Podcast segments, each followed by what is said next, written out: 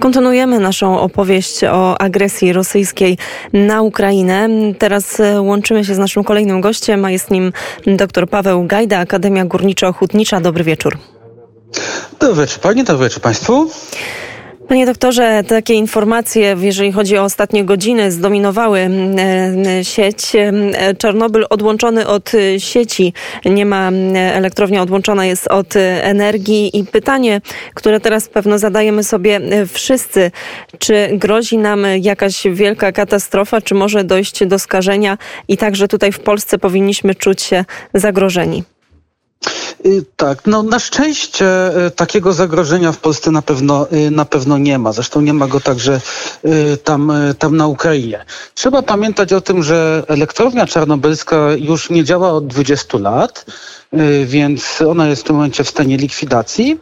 I to, o czym jest mowa w tym momencie, to chodzi tutaj o przechowalnik wypalonego paliwa, czyli to, to miejsce, gdzie to paliwo wyładowane z reaktorów w tym momencie jest składowane. Ono oczywiście po wyjęciu z reaktora takie paliwo, przez to, że ono jest promieniotwórcze, ono też generuje pewną ilość ciepła. Dlatego przez pewien czas ono musi być y, chłodzone. No dlatego przechowuje się je na początku właśnie w basenach y, z wodą, w tych tak zwanych mokrych przechowalnikach i właśnie w takim przechowalniku właśnie na terenie strefy wykluczenia y, znajduje się, się, to, się to paliwo.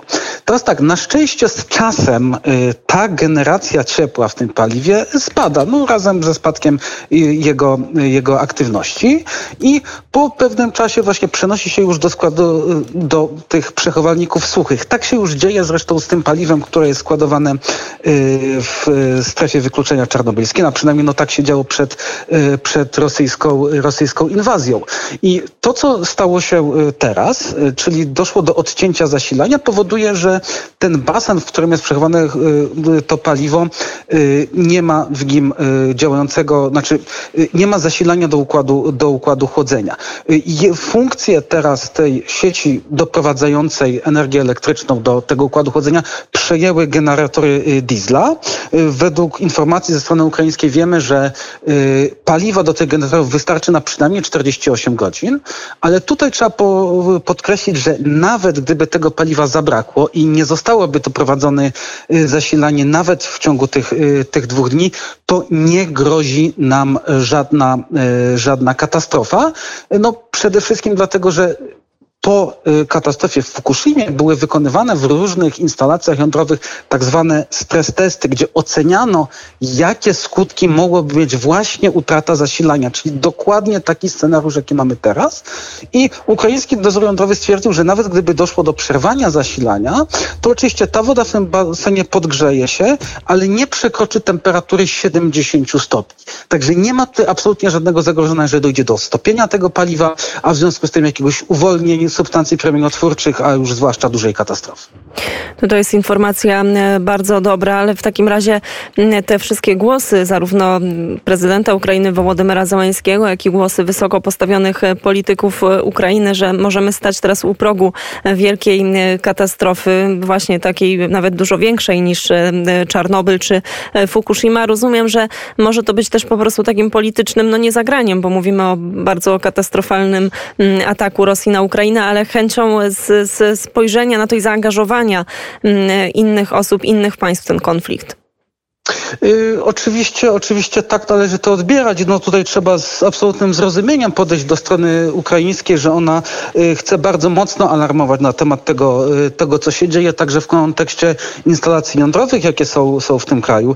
No i tutaj trzeba podkreślić, że zgodnie z konwencjami międzynarodowymi takie obiekty nie powinny się w ogóle stawać celem ataku. No już widzimy, że no, tak, się, tak się nie stało. No, mieliśmy w piątek zajęcie zaporowskiej elektrowni jądrowej, e, wcześniej właśnie e, strefy wykluczenia, teraz słyszymy o kolejnych rzeczach. Także no, pomimo tego, że nie ma tutaj zagrożenia y, katastrofą i to nawet nie ma zagrożenia, nie wiem, powiedzmy na, y, dla Kijowa y, z, z, tego powodu. Oczywiście w Kijowie jest duże zagrożenie, ale to z powodu działań wojennych w tym momencie. Nie z powodu tutaj potencjalnej jakiejś katastrofy, która by się mogła, mogła zdarzyć. Tym bardziej nie ma zagrożenia dla terenu Polski. No, natomiast ciągle no, jest jak najbardziej uzasadnianie, nagłaśnianie tego, tego co, się, co się tam dzieje w związku z inwazją rosyjską. To jeszcze na moment może spójrzmy na e, też tą zaporowską e, elektrownię i e, także to, co teraz znajduje się w Czarnobylu.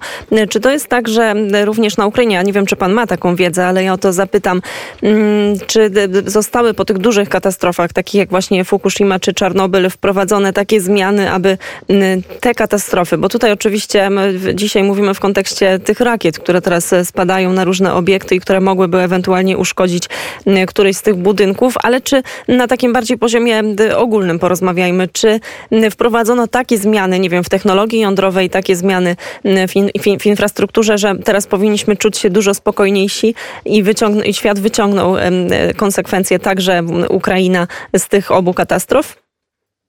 Y, jak najbardziej trzeba powiedzieć, że, że tak. Przede wszystkim, jeśli mówimy o porównaniu do katastrofy czarnobylskiej, to tutaj y, na Ukrainie nie ma już żadnych działających bloków typu RBMK, czyli takich, jakie, jakie uległ awarii właśnie, właśnie w Czarnobylu, więc tego typu awaria tam, y, tam zejść nie może. Te eksploatowane obecnie elektrownie to są reaktory WWER, czyli to są konstrukcje jeszcze radzieckie reaktory, ale bardzo zbliżone technologicznie do zachodnich reaktorów wodnych ciśnieniowych, tak zwanych reaktorów PWR. Ona oczywiście w odróżnieniu od y, tego reaktora no, niesławnego czarnobylskiego charakteryzuje się znacznie lepszą, y, lepszymi parametrami bezpieczeństwa.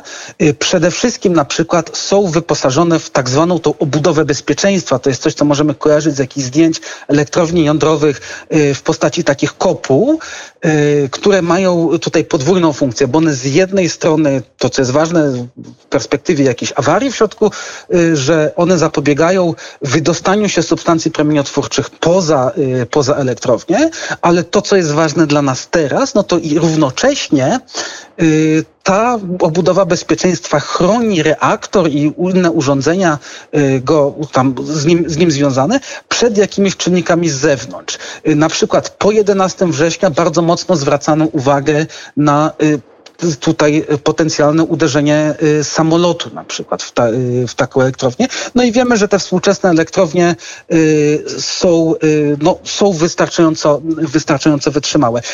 Wiemy też na przykład o tym już, że w czasie walk o elektrownię zaporowską doszło do trafienia przynajmniej jednego w budynek reaktora numer jeden.